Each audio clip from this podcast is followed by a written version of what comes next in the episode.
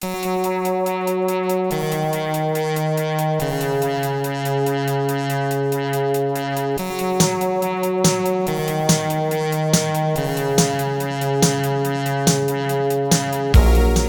to First Draft with me, Sarah Enni.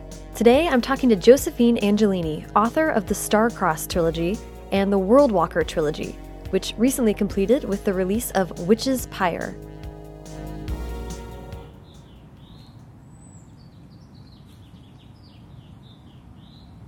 Josie has been on the scene for a while.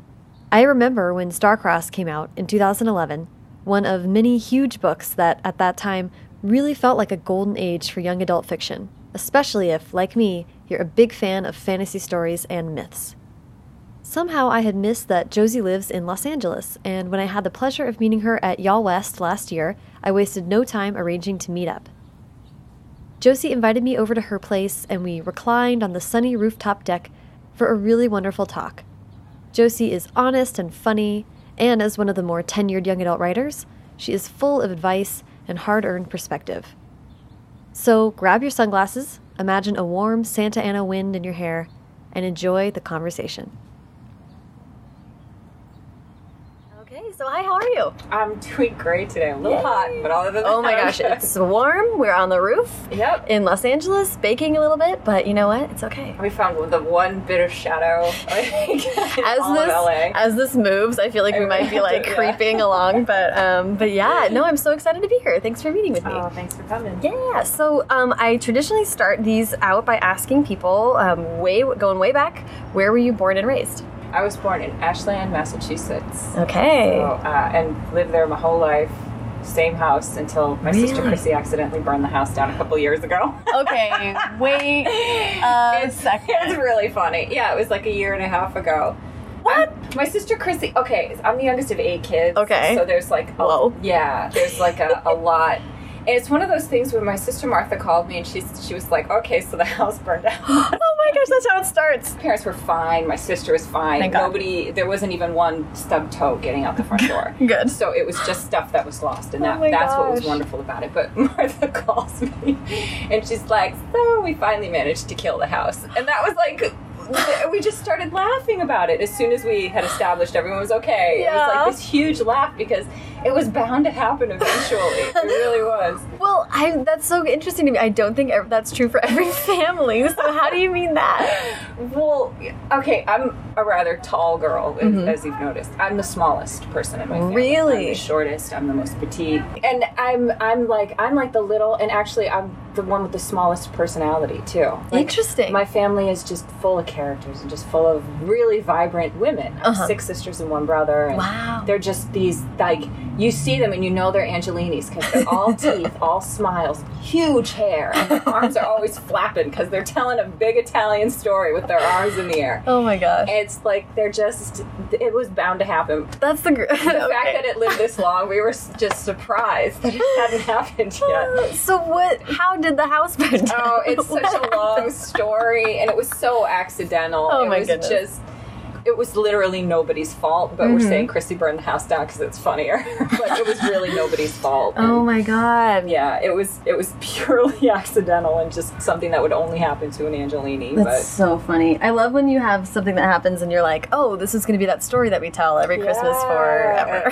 Like yeah, forever. so we got there with you were born and raised in the same house the whole time. Yeah. Um, where in Massachusetts is that? It's about 20 minutes west of Boston. Okay. It's right next to Framingham and Natick. It's like, it's kind of in just quiet, sleepy middle Massachusetts. And Yeah. now most of my family's moved up to where our farm was on the North Shore in Wenham. So everybody Oh, lives cool. in the Salem area. Okay, well, we're going to get back to Salem for Yeah. sure. But, Salem. Uh, it looms um, large in my books. yes. But okay, so so born and raised on the same place with a huge family. That's kind of Yeah. wild. Yeah. Do you think that you're you're saying you have the smallest personality, but I mean, do you think your personality or at least your perception of it is based on that of having to compare to That's actually, I'm writing a book about that right now. I'm writing kind of a, I don't know what'll ever happen with it, but after the house burned down, my agent pulled me aside and she's like, Josie, you got to write about family, period.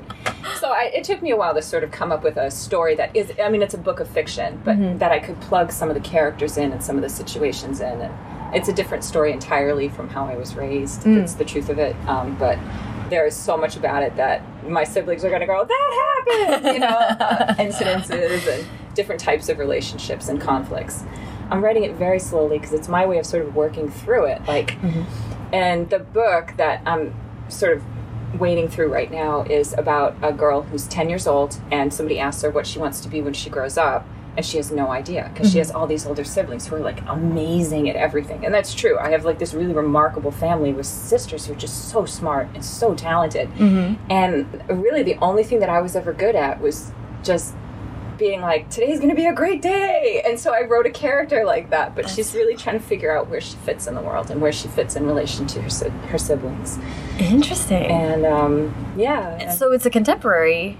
It doesn't. I mean, the books that most of the books you've written are sort of like high fantasy. concept. Yeah, no, no, no. This is this is just there's no fantasy in this. This is it's Wow. so funny though, man. I can't. Well, I think it's funny because there's so much funny stuff that happens to you when you're the youngest of eight kids.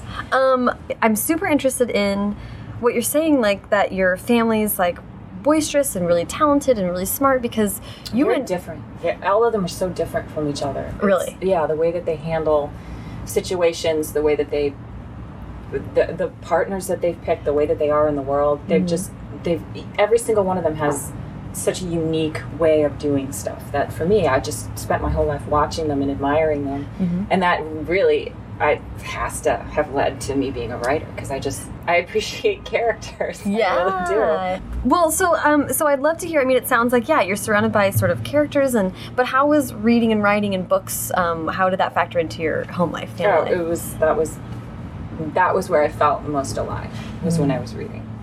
Really? It's so funny. I was thinking about this today because I was stretching, and you know when you stretch and you're like look at odd angles of your bookshelf, and you're like, oh yeah, I haven't thought about that book in a while. mm-hmm. I was looking at Mists of Avalon by Marion Zimmer Bradley, and she broke my heart. I gotta say, like the scandal with her and her daughter. I don't know about this.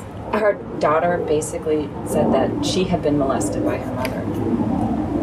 Yeah, her daughter like What? publicly announced this, and Whoa. and you know that her husband had been convicted for molesting children.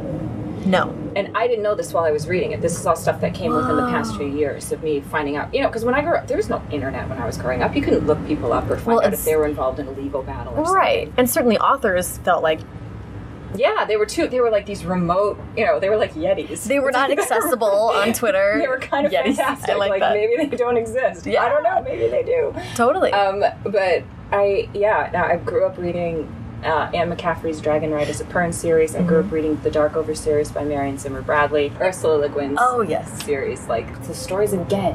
Where was he? It was Earthsea. Ah. I can't. I remembered it. I don't know why it took me so long. So I grew up reading that stuff. Like that was Fantasy stuff. high fantasy and like And female classic, written. almost exclusively. It's funny. Was it that was was that just what was in your house, or do you think that you were seeking that out? I think it. I think a combination. Like people would give me books, Mhm. um, you know, just like randomly. Like Mists of Avalon was a random gift from somebody that Wow. I knew in high school, but didn't really hang out with. But it was sort of like you should read this book, and I was like, oh, blown away. You know, fourteen years old, my mind blown by Mhm. it. But um, before that, uh, the Dragon Riders of Pern series was what my brother had on his shelves. Like my brother actually was the one who read a lot of fantasy. Interesting. Yeah, so I got that all from him because I just and it was hugely inappropriate that I was reading some of this stuff because I was far too young for it. Right. I'd just go in and steal stuff off the bookcase because I was like, ah, that looks cool. Well, there's an element to being the youngest that is that too, right? Like, yeah, you want to grow up faster than maybe you should. well, just just speaking from my experience, there's only two in my family, but I know the rules that I had to live by did not apply to my, my younger brother. I mean, also he's a boy, but like at by the second kid, my parents were like, whatever. Yeah, yeah, yeah. No, by the eighth kid, my parents were like, "Who are you?" Like, I seriously would be like, I wouldn't see my parents for days. I only knew I was around if I was either bleeding or like not doing my chores, one or the other. Usually both.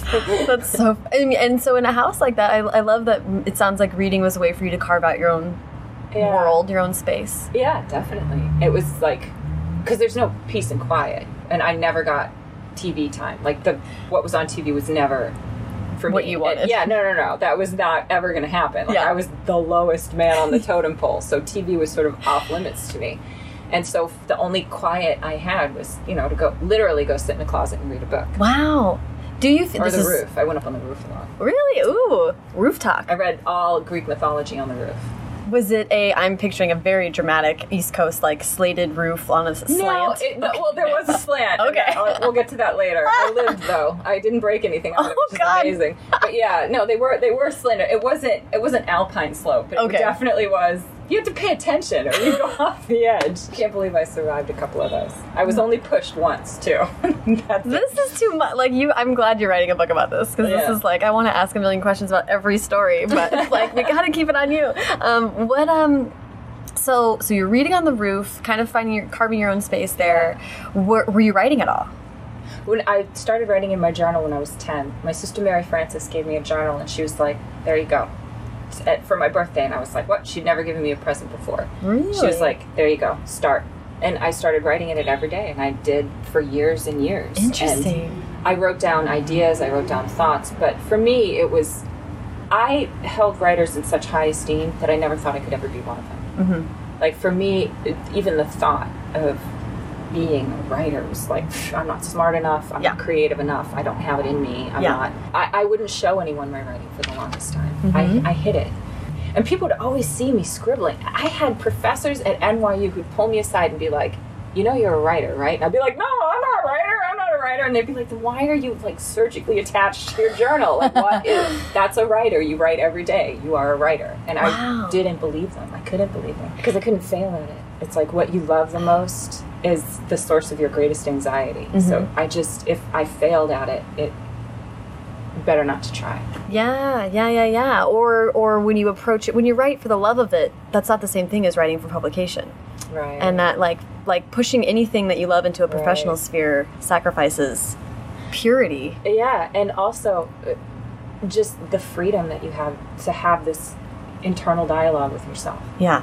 and just be Yeah. be real. Like, the funny thing is, is that I remember writing down lies in my journal and then realizing when it, that was inappropriate. Like, there's no reason to lie in my journal. I'm not going to rewrite my own history because I can go back and read it and I know it's a lie. Like, I know that didn't happen. And so it's like this weird thing. For a while, you try to lie to yourself to create this own fantasy of who you are. And then you you get to a certain level of maturity when you go, I, I don't need to do that anymore. I don't need Yeah. to pretend that my life is other than it is. What kind of lies? Oh, really silly stuff. And they're the most frivolous, foolish lies that you tell yourself to give yourself like a different life when you're a kid, I guess. That is so interesting to me. Yeah. Okay, because I am completely relating to it, but but in my diaries and like still when I journal now, I feel the impulse to Tweak it.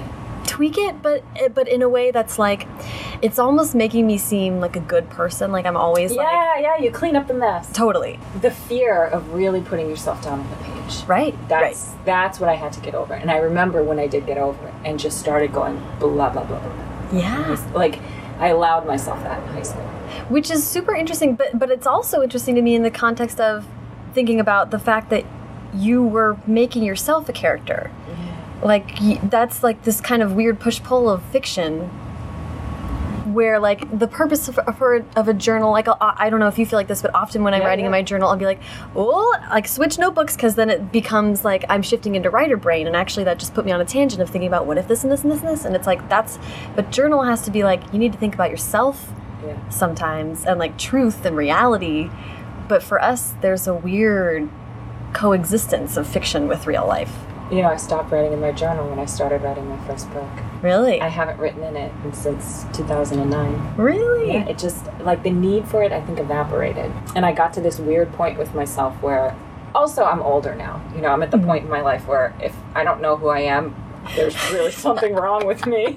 like Right. genuine I'm a mother. Like I really need to know where Yeah. I'm at in my life. You know what I mean? right So it's I felt like I had come to the point where now that I was finally doing what I wanted to do instead of everything else I thought I should have been doing with my life Mm-hmm. was when I stopped needing it.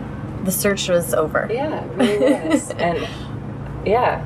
do you though feel that you are explicitly do you think the books replace journaling in, in some way do you feel Oh, like you're working through personal stuff with all of your stories Because the impulse just to write is always there. Mhm. It's like it's there when I wake up in the morning. mm-hmm. Um, and so knowing that I had a specific scene that I plotted out like what I need to do today. Yeah. It's like this great, yay, something to look forward to. I can think about that. When you're fortunate enough to, I don't bounce my ideas off my agent. I mm. go to my agent say, this is the book I want to write. Yeah. And like, she goes, okay. Yeah, yeah, yeah. I'm fortunate enough to have a relationship that allows that, you mm. know, because that's what I need. And in that, I always put themes that I can't stop thinking about. Mm-hmm. So there's something in that book that I'm, I either haven't resolved in myself, or I look out into the world and I say, this is how I resolved it, and Mm-hmm. maybe this is something somebody else can use. It Will be helpful. Yeah. Yeah. Is that all wrapped up in, In- the yeah. conception? It's all wrapped up in the conception, in the themes that I choose. Mm-hmm. Um, and I, I put them in there because it's it's something that I'm either working out or have just finished working out in myself. Mm-hmm. So it yeah, and that aspect of it, it does replace a journal. I, I will say for me, I end up stumbling on that stuff. I feel like I come up with the idea, and then I. Uh, this is so far the pattern has been two years into the book. I'm like, oh, this is what it's about, About right. Um, which is like a distressingly long gestation period. So I need to like figure that out. But it's like once you once you hit on what you're really saying, then it's like the book gets into overdrive. You're like, it's exciting to know that you're trying to say something with it, Yeah. and that also makes all the loose ends tied. It like is the last piece of the puzzle, kind of. And it's usually in the character. Mm-hmm. It's usually something about that the character personally has to overcome that you go, ah, yes. Like, that is very oh, me. now I see. Yes. Yes. We must learn to forgive. Yes. um, okay, so let's so let's get there because I want to hear about like all the themes and all the books and everything. Um, but so so you were writing in a journal, Mm-hmm. and then it sounds like even going to college, still journaling, but Oh, not fiction. time. No, not fiction. No, I studied classical theater at NYU, so I was doing Shakespeare and you know the big guys, the Greeks, and, and Oh, yeah. it was lovely. And I realized maybe, and funny because my director pulled me aside and he was like, when he was like, you know, you're a writer, and I was like, shh, quiet, quiet, quiet, don't tell anyone. But it, I really had to stop and take a step back and. I started taking a lot of philosophy, theology, art history, and just Oh, wow. studied everything that I wanted. I took a step back from studio work for a while because I was realizing that that wasn't filling me. Like that wasn't enough. for That acting? not- Okay. was not enough for me at all. And that's what was My junior year of college. okay. So that's what you knew you- when you left high school. You wanted to study acting. That Mm-hmm. was your passion. you. Yeah, yeah, yeah, yeah. It's so and it's amazing to me that that a professor had that kind of impact.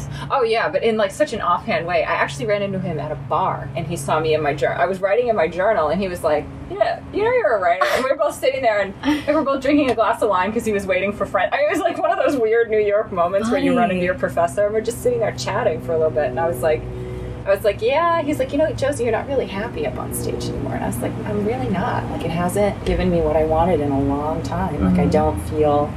I don't feel like this is where that's where I'm the most creative. And he was like, "That's because you're a writer," and I was like, "Shh, Don't quiet, tell quiet. anyone. Shut up, Louis." um, yeah, and it was. Uh, it took me a while after that, and then I came out here to Los Angeles, and I started trying to write screenplays. Um, Ah, That was the big move out here because I was kind of like, "What am I still doing in New York? I don't belong here anymore." And moved out to LA and tried Well, to write. I'd love to hear more about that. Actually, Yeah. that particular time is that's really interesting to me. You're in New York and you thought you wanted to be an actor, then It changed. It changes. yeah, over the course of college. and how did you? I mean, all of that, like your relationship with the city, where you wanted to be, like, like Yeah. put me there. What was, what were you thinking? How were you? Well, I was living in Brooklyn, sleeping on my friend Ed's floor, and I was bartending and waiting tables, and I just it was I just graduated from college, and I went, what am I doing here? Like I Mhm. don't. I didn't. I was like, I'm not. I'm just sort of like this free floating entity, and Mhm. I'm living day to day, writing in my journal, and like that's it. And Yeah. that's that's not enough. That's Yeah. not what I meant to do. And when did writing become the answer? I mean, were you dancing around it? Oh, totally, and completely avoiding it. Like I came out here, I started working with a sketch comedy group. Okay. and I can't write comedy. I'm, a, I'm not funny. I really, well, I mean, I have my moments, but that's not. I can't do sketch comedy. But I kept working with the group because I was learning how to write by Yeah. working with them, and then I was like, oh, maybe I'm supposed to write screenplays because Yeah, I yeah, you know, because I studied theater and I love it, and I did love it. I love text analysis, and I love breaking it down, and I love the structure of the Mhm. writing, and I love all of that great stuff, especially when you're working with Shakespeare and the Greeks. I mean, there's just such a wealth of information. So I was like, that, that, that's prob- I'm going to be a screenwriter. And, Mhm. you know, again, I tried to write for a long time, still bartending. And, Yeah. and my husband, who is a screenwriter, like, because I had this one thing and it got a little traction and it didn't go anywhere, didn't get bought, blah, blah, blah. Devastated. And he brings me over to my bookshelf and he was like, What do you see there? And I was like, I see books. And he was like, No screenplays? And I went, No. And he Mm. went, Write what you love. And it was just everywhere with fantasy books and YA books. And, and Mhm. I was like, Oh, I get it. You write what you love. That, that Ah. makes so much more sense. Uh, Even if I had been trained a certain way and I'd been Mhm. like, that's, you know, I'd learned how to break down plays and learned how to break down screenplays. I Yeah. that wasn't truly what I love. Like what Mhm. I love was sitting in my closet and reading fantasy. Yeah. Okay, there's like two th- major threads that I want to go Yeah. down here. First is I do want to back up and talk about the studying theater. My favorite thing is to talk to Yeah. writers who got there accidentally and studied other forms of storytelling Yeah. first because I think there's nothing that you do in your life that can't inform your writing, but when people study and are trained in other ways, it's amazing to me. Yeah. So, you as like an avid reader, then going to the stage and reading plays, like how did that change your It's- relationship to reading and everything? It happened really organically. It actually there for me when I read a screenplay or I read a book, it's there's not that much of a difference. I Mhm. mean, there's all this uh, interior day, you know what I mean? But for me, I can just I just picture it. Like I add in all of the exposition that would be in the book naturally. So you've always been visual. Yeah, but I write very visually. Mm-hmm. You know, I write. I spend a lot of time setting up. Well, you know what I mean. It's it's it's all part and parcel of the same thing. It's like But not everyone reads that way. I'm very visual. I, I put myself in the scene when I'm reading. Mm-hmm. And so that was what I was doing as an actor. So it felt like the same thing. It's Yeah. like, oh, these are my books, and now I get to be that character, and how fun is that? Because Mhm. I was the character in my closet, now I get to be it in real life. You know. Yeah. So for me, it was just it was six of one, half a dozen of the other. It all Okay. felt very similar. I guess what I think is great about this is that you came from also plays and screenplays are uniquely Structures. so structured. So structured. and a lot of writers come from just like sprawl and they're and well and then have to sort of like I'll speak for myself like reading screenplay books was like oh Oh, I get it. there's like all these tools that people have been solving these problems for hundreds of thousands of years Look at that. Three So- act structure with an inciting incident and a midpoint, and it all works. It's Yes. Shakespeare's five act structure. Yeah, yeah, except yeah. The first act is truncated, and the middle acts are. But if you read the middle acts in Shakespeare, it's the same thing. It mm-hmm. really is. It's the same thing. It's the five act structure from Yeah. Shakespeare, yeah and for the Greeks too. But we don't have a strophe and antistrophe and the chorus anymore. We don't have narr- Oh. but we do have narrators, but we don't have a chorus coming in telling you how to feel. That's the only thing that we've taken out. Interesting. Yes. Yeah. Yeah. Yeah. Um, so I mean, it's that's like in your bones, understanding Yeah, that stuff. That structure came so easy, e- so easily to me. Like, Yeah. and I put it in all of my books. I, st- I still have everything beated out the same way that you would, when you take when an actor goes and takes apart a script, they Mhm. do things called beats. So they do things like the intention of this line, the intention of this scene, and then they do huge character arcs for themselves. Mhm. I do that for all my characters in my books. I beat out exactly their emotional arc, and I beat out the action that they need to fulfill. mm-hmm. Mm-hmm. And it just it works great for books. Because. I did read a couple interviews with you where you were talking about your process, Yeah. and it sounds very structured. it's very structured. And then, you know, once you're writing it, you go, oh, and this is complete. Now for something completely different. Right. You know what I mean? Like, Right, that's how right, it always ends up. But if you have the bones, if you have the bones of the book ready to go, it's so easy to flesh it out. yeah. Know? Yeah, and do doing even that like based on the screenplay books, I was like, okay, for this next one, I'd I'd like it to not take two years anymore. Like, let's like see if we can whatever. And then you do in a week, just looking at it that way, you realize that you saved yourself three drafts or whatever. Yeah. It's kind of amazing. You know, but drafts are great too. And there's there's nothing wrong with running around the block to get across the street. At least you get a good view. And sometimes things you add to it, find out what you really want to say while you're going. So I mean, mm-hmm. it's it's all what makes you comfortable when you're a writer. There are some people that need to work it out in three drafts. Like they need that Yeah. to, to learn how to understand it. But for me, I need I need some structure to hang things on. Although with the book that I'm writing now, since I don't have to do any world building, it's much Mm. smaller than it's ever been before, and that sort of left me a little like bereft. Like I'm sort of, you know, where's my rigid outline? Right, right. Oh, that's so funny. Okay, and I want I am going to talk later about the length of your books and that kind of Oh, thing because it is kind of a, it's totally amazing. They are so long. Totally My books are amazing. long, yes. I actually I want to keep with your journey because I think it's so interesting to hear you talk about going from stage and performing with with a group and then writing for theater and writing for an improv troupe and writing screenplays those are all can be much more interactive and involve a lot of people and a lot of personality and then you're sort of slowly whittling it down Um, smaller and smaller Till groups of people. you And telling your story. Funny thing is, when I write a book, nobody reads it until it's completed. really Not even Starcrossed, not even my first book. wow N- not one word.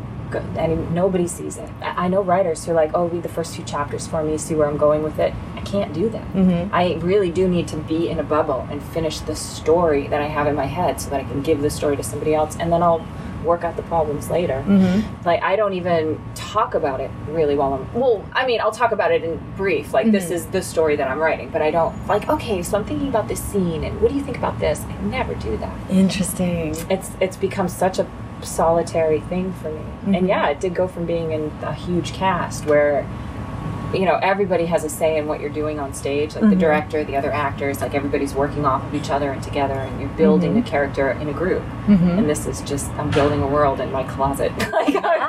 so, and i do work in this tiny little corner like facing a wall and I, it's like dark and That's so funny. Yeah. Um, it's just it's really interesting to me because it, it's like so paralleling like your family and like and then what Yeah. what writing was well or it's like reading as was. fear goes away i need less and less people oh. and I'm able to just be with myself and my thoughts. hmm But in the beginning, I needed, I was too afraid. I was way too afraid when I was younger Yeah, to ever be a writer.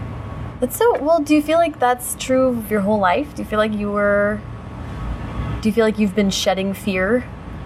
Oh yeah, I mean, you, you get to a certain point, and you're like, I don't care if people see me naked. I'm an old woman now. You know what I mean? Like, yeah, you just yeah, modesty goes out the. window. There's so many things that just don't matter anymore. Yeah, it's funny. I, I was just talking to someone about this, looking back at 10, 10 years ago, me, and I was, I really was scared of a lot. Yeah, And it was like, why? It's so odd to think like you're young and you can do literally anything. Like maybe that's what's so scary. You're like making a choice is scary. yeah, and When- saying this is the way I'm going to go. So you do the safe things. Mhm. because for me theater was safe because i had been put up on stage since i was like three years old I Oh, the really? first play i was in when i was three so it was familiar it was like this is what i should be doing because i've always done it hmm Who was getting up on stage when you were three? my sisters always it's everything like the root of my life are my stupid sisters and the things that they've done to me yeah they put me up on stage i played my eldest sister's daughter in the carousel Funny. yeah Oh my gosh, that's hilarious. and i remember it i remember being three years old and my one line was daddy and like Oh it- wow. yeah i remember it clearly The other thing that's really striking me at this point is there's four incidents now in which you've sort of very clearly like pointed out that someone gifted you a really profound thing. yeah it like all changed you. There's there I'm, there's no untangling myself from the people who have helped me become myself. It's amazing that you're open to it though. Yeah. I think some people get told get the mirror put up to them and run away. Yeah. but I, it was done in such like a such a loving way by so many people, Mhm. and I've just been fortunate enough to have great people in my crazy life. Yeah, that's amazing.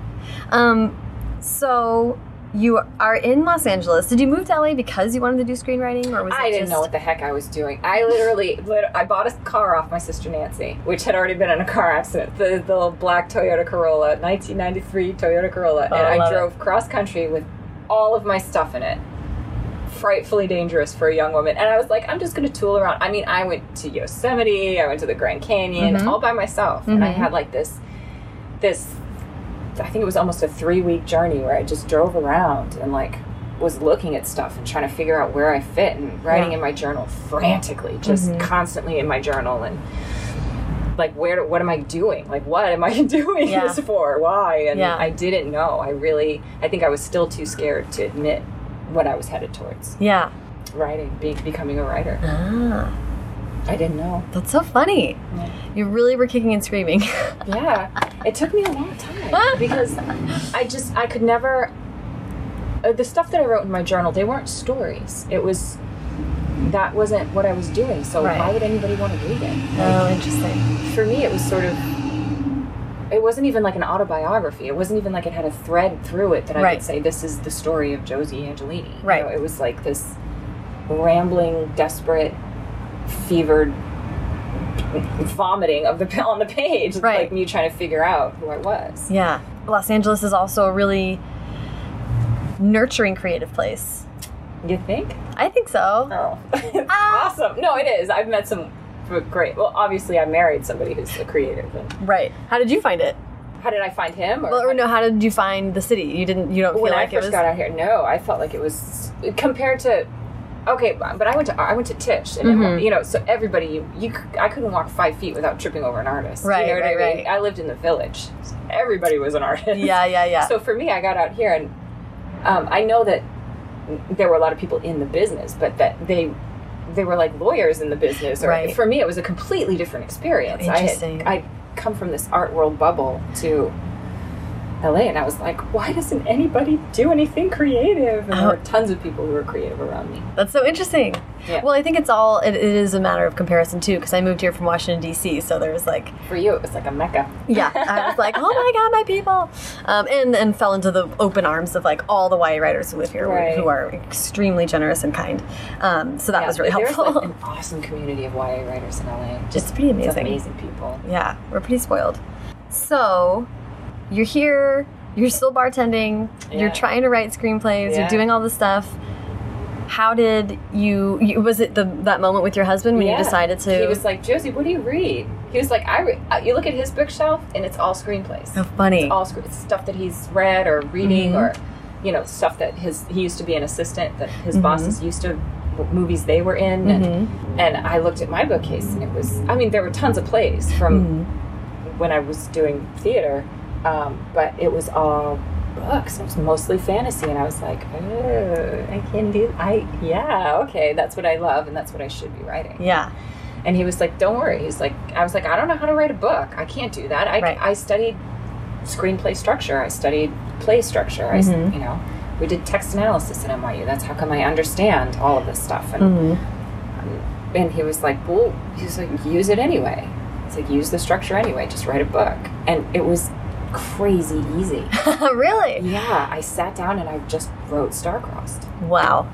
It was crazy easy. Ah, that's so. How long did that first attempt take you? Oh, it took me about eight months, but I was Okay. bartending full time too. So I was, Yeah. you know, and that just wrecks you. You decide that you want to write fantasy. Obviously, Starcrossed is pulling a lot from Greek classic myth. Right. But how did you decide how to approach that and make it your own story? That seems like a really intimidating thing place to start. But strangely enough, it's what I felt most comfortable writing because Mhm. I truly understood the Iliad Mhm. and I understood Euripides, Sophocles, Aristophanes. Like I'd read all everything Mm-hmm. many, many times. So for me, it was sort of like, well, I know these characters, I know this structure, and I could. I was like, oh yeah, of course, it's it's the Iliad Right. today. I can do that. I know what this is, and for me, it was it was right there. The mythology was right there for me to use, rather than trying to invent my own world and invent my own. Like I did in my second series, I had to invent my own world and Right. create my own magical system and find a way to deliver that to the reader without having these paragraphs when that are just like and this and this and this where it's like Mm-hmm. they're just telling you what the magic is. But for Starcrossed, that series, it was like going home for me. That's how easily it came out of me. So start with what you know. Is what I always say to people because I really did understand Yeah. that stuff. And everyone's like, "Wow, it's just such a huge thing to," and it's like, no, no, no, because it's established and I understand it and I know all the different gods and Right. Did you feel though? Was there any? I, I mean, I love talking to people that that do retellings because Yeah. it's it seems to me like so. Um, like there'd be a yin and yang to it in that you are starting with something that's established and that readers are drawn to. There's an immediate pull to that when people kind of know what, what you're starting with, but then also the pressure to make that your own and really put your own mark Yeah. on it. How did you think about that? Well, I didn't. I didn't think about it too much. I just said, I. I think I just went to the characters basically. Mhm. I went to Lucas and Helen, and I was like, well, what would the choices these characters would make in Right. this given situation, and how would they deal with that situation? Mm-hmm. So for me, it was just about being as honest as I could to the characters that I had created Yeah. in order to have them dictate the story to me. Yeah, which is interesting when you do start with such plot heavy planning. Yeah. It's where characters and plot meet that I get bungled up because then the Yeah. characters are like, oh, no, no, no. that whole plot you had ready for me is like not what I'm going to do. And it takes, that's where I get stuck in drafts where it's like, oh, no, this is really who this person is and this is really what they would do. Yeah.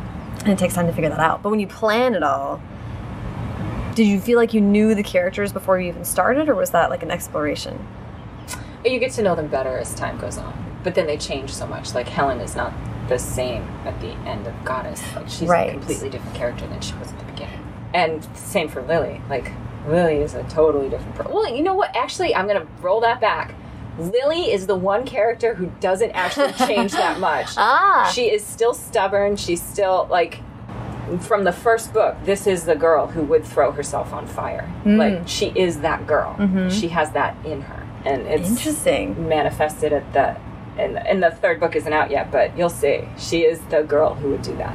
Isn't that there's um I'm sitting here trying to think about the one example that came up lately and I want to say that it's Star Wars where people say that Luke's not really the protagonist because he doesn't change, but I think I'm mixing that up. I think it's a hmm. different story. Oh, Luke changes a lot. Luke changes a lot.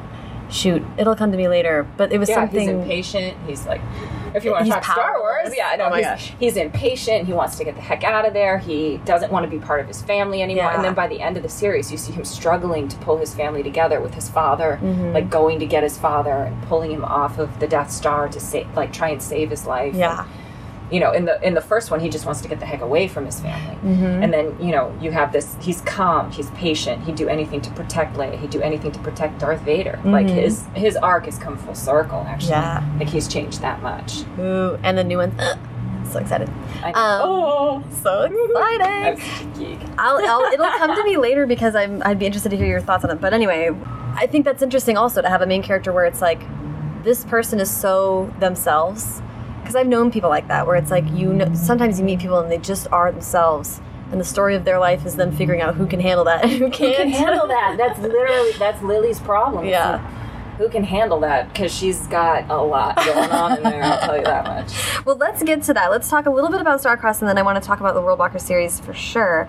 Um, I do. Want, I have a question that sort of crosses into the next series because Starcrossed was sort of. I remember being someone who was like a YA observer and writing, um, and then being online and all this stuff. At Starcrossed, the when that deal was announced, it was one of these one of the big deals that was happening around that time. Yeah. Um, huge, amazing, really cool, Yeah. big deal. Um, for a big trilogy, was also all these trilogies happening at that time. That's a lot of pressure, though, on you Yeah.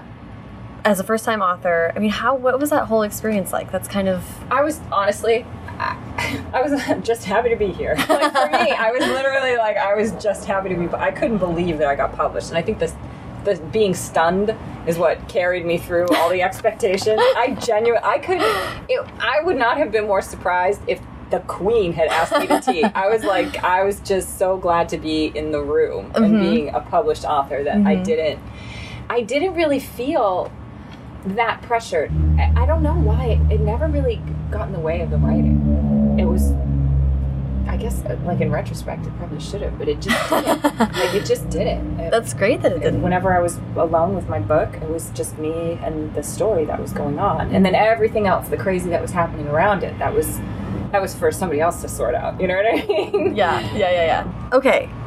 Well, and in and into the inspiration of it, I there was this one quote that you had in uh, in an interview about Worldwalker series that I thought was really interesting, and I'd love to hear you talk about how this played into the inspiration for it.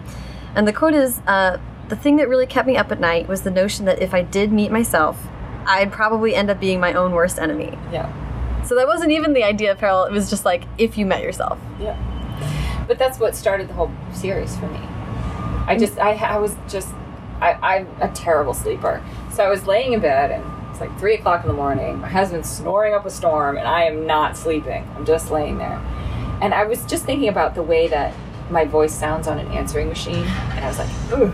I- you know how you random thoughts pop in there? Mhm. That's like, I bet if I ever met myself, I'd hate her. I'd like, she would be my worst enemy. And I'd just, because everything that you don't like about yourself, you can't avoid when you meet yourself. And those are the things that you're going to zero in on first.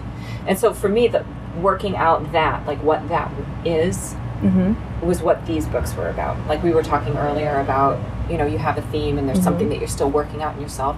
I saw that and I went, why would I? I'm not a bad, like, why would I Right. be my own worst enemy? But I knew I would. And it's because I've, I always have been. Like, nobody has held me back the way I have. Nobody has told me that I couldn't more than I have. Nobody's told me you're wrong, you're, you're not good enough more than me. Mm-hmm. So, of course, I'd hate her. I, I think it also speaks to something that I've been thinking about a bunch over the last year or two years, which is that most often, if I meet someone and I have a strong dislike about some part of them, it's because I hate that about myself. Exactly. And I, so whenever I find myself Ding, wanting ding, to ding, say, whenever I find myself wanting to say a bad word about someone, I'll try at least to stop myself and be like, whoa, actually. What does this remind me of? Yeah, what you're trying to say is that you annoy yourself. Yep. And- And, me working that out and forgiving that and getting over it and accepting it and just being like, okay, there are times when I just talk too much and there are times when I just, you know what I mean? And Mhm. I'm and all of those things about myself that I'm really that really frustrate me Mhm. and that I've tried to change that I, or maybe I haven't tried hard enough to change. Mhm. They're still there and it's all right. It's okay. And yes, in the third book, Lily and Lillian do give each other a big hug. it's okay. Well, maybe, do you want to set up the series just a little bit, just because this is going to come out with a third book? Okay, so, cool. Um, well, the Worldwalker trilogy, um, Fire, Trial by Fire is the first book, and it starts with uh, Lily, who lives in Salem, Massachusetts, is plagued by all kinds of allergies, and she just has massive reactions to pretty much anything in the air, water, food. Like just her body freaks out. Mhm. So she's kind of like ticking down time before she ends up in a bubble. All this, and uh, the guy that she's loved her whole life is a big player. totally is like screwing around with everybody. Oh my and gosh. she catches him when they were supposed to be starting a relationship. And she kind of has it. She's just sort of had it. Mhm. And she's sort of reached this end point. She's Mhm. got a crazy mom. Guy she loves is never going to be faithful to her. And she's sick as a dog all the time. Mhm. How do we get past this? And she kind of says, Calgon, take me away. And somebody hears her, and it winds up being an alternate version of herself. And the alternate version of herself kidnaps her and takes her into this parallel universe where Salem is run by witches. And Salem rules the world. ah, As she finds out that this alternate version of herself is the Salem witch. so, So Li- Lily finds out that there's a reason she's always been sick and all that stuff, and, and that's because her body is trying to take agents um, out of the world and convert them into energy. Oh, So her body is what I call a crucible, and a crucible is where matter is transmuted into other forms of matter or energy, and that's what magic is based on. So it's very much E equals mc squared, matter into energy, and then you have these massive, even just a small amount of matter can create massive bursts of energy. Mm-hmm. And so in this world, she has a body that just does that, converts. She meets herself, finds out that she is wicked, like this other version of her isn't a nice. Ver- I mean, this other version of her is dying from something that she doesn't understand, and um, she is a evil person who hunts scientists from this world and hangs them in the streets. Well, okay. I want to rephrase this because what I think is so interesting is that is that Lily meets Lillian, and not only like we were saying, it's difficult. It would be difficult to meet yourself, Yeah. but she's meeting a violent, angry, evil version of herself. Like, that's crazy. and has to come to terms with the fact that that is inside of her. right. There are times in your life when you go, I didn't know I had it in me. This is like the ultimate of that. I didn't know mm-hmm. I had that in me. And mm-hmm. she, but as soon as she sees it, the reason why she hates Lillian is because she knows she does. Yes. She right. does have it in her to be like that. And it, she's kind of coming to terms with the fact that there's That there's a, something in her that is capable of that. Yeah. The I'm just curious about what it was like to sort of get in that headspace. Whenever you have to write a really good villain, Uh-huh. you have to be that villain too. Oh yeah, but the whole the whole series is sort of working things out. You'll see, but by the 3rd Mhm. book, you Lily agrees with Lily. Mm, hmm She doesn't just get her point. She doesn't Mhm. just go, "Oh, now I see," and we can jolly go off into the sunset together. La la la. No, she goes, "I'm actually I'm I do that, and this is why I do that. And if you weren't here, I would still do that." Yeah. Oh, interesting. And that's going to make a lot of people around her have to choose. Ooh. So. When I was thinking about this, I was like, well, witches, witches, and covens, and sisters. Yeah. To me, that feels like it's all of a piece, a little Mhm. bit. Yep. Did you feel, and obviously Salem, Well, the, one of the things that I wanted to explore was what would it be like if women ran the world? right? And coming from the family that I did, honey, it's not it's not going to be nice. You know what I mean? That- like people always say, oh, if women ran the world, or at least this is w- when I was going to college. The thing Mhm. was like, oh, you know, men have screwed up the world. If women were running the world, this new wave of feminism, everybody would be so happy. No, no, no. I wanted to write something where women were truly running the world, and it's not it's not a great place. There's a lot of danger involved. Yeah, yeah, There's- yeah. It's very scary. That's not It's not all love and mama's sweetness and home cooked meals. No. Yeah, because that's not all women are. And so I think that's really compelling. Uh, the okay, so so we wrap up with advice. I would love to hear you talk about uh, advice for new writers, Oh. and maybe also advice for. I, I think you're a new mom. If you have any advice for how to, I mean, that's kind of a trite question, which you, which you do not have to answer if you don't want to. But About being a writer. a writer and a mom, A writer and a mom. or a creative person and a mom, is challenging. Yeah, it really is because you'll find them.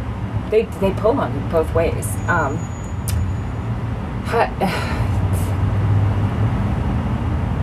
the, okay, so I, I write from home, Mhm. right? And my daughter, uh, we do have help that comes in in the morning, so I can get a few hours of writing done, and my husband can get a few hours of writing done because we both work from home. and uh, every time she knocks on my door, I go and I get her. I, I answer the door Mm-hmm. so for me it's i think that, that that's you do need to be able to shut the door for yourself so that you can write Mm-hmm. but if somebody knocks on your door open it like when it comes to your art you don't have to write completely alone you got to Mhm. let people into your life you got to let Mhm. people into your thoughts and uh, Yeah. if you want to balance being a mom and a writer for me the only way it, everybody's got to find their own way with that um, but for me the only way to be a good writer and a good mom is to get the door when she knocks And Yeah. and not That's be like sweet. mommy's writing no there, there are other things that are happening in my life too Yeah, that's really I like that. Um, and what about for the uh, for new writers or aspiring writers? write every day i mean i know that's everybody probably says that but it's the truth write every day or read every day Mm-hmm. that and you know when, when you feel like you're guilty because you're going on a, like a reading jag like right now i'm on this huge reading jag where i'm rereading stuff that i read years ago like kelley armstrong's series like you know what i mean? Like i'm digging up some deep dark stuff like the graceling series i went through read jellicoe road i read again which i just i read it put it down reread it. Like i did the reread of the reread That's amazing. because i love that book so desperately and you just gotta even though you kind of feel like you're being self-indulgent you're still working it out in your head. You're working out how to tell a good story. You're Mm-hmm. trying to figure out what stories interest you the most what characters interest you the most. But let yourself do it. Let Mm-hmm. yourself read as much as you need to. It's text analysis, whether it's overt or not. that's what i keep telling myself even though i spend so much money on books every month. It's, just- it's for your work but it, it truly is. It's not just growth for you as a as a human being. It's growth for you as a writer. Yeah, yeah. Um, well, that is it, man. That is- what a great interview Oh, thanks. so much This was so fun.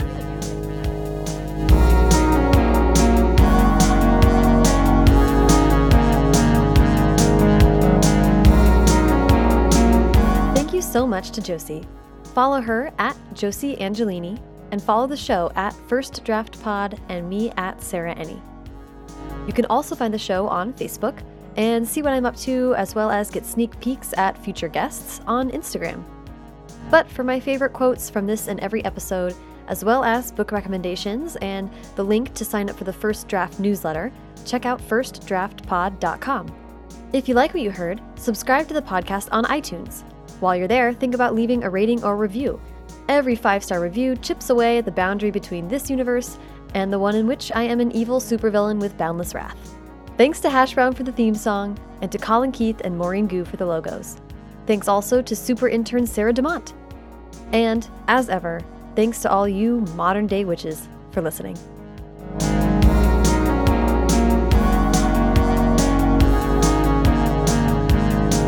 My mom used to send me on my sister's dates with them. She'd Oh be like, "You can go out with that boy, but you got to take your sister Josephine." so I'd be sitting in the back seat of the car, like, "Hey, what's that?" Like seven years old, Oh going on God. dates with my sister. Having more ice cream than you know what to do with, I'm sure. Yeah, the guys were always like, "What's this? like, what the heck is going on?" And my sisters, uh, you know, they'd be like, "Well, put up or go." You Yeah, know, yeah, like, yeah. That's it. Oh my god, that's so funny. Yep.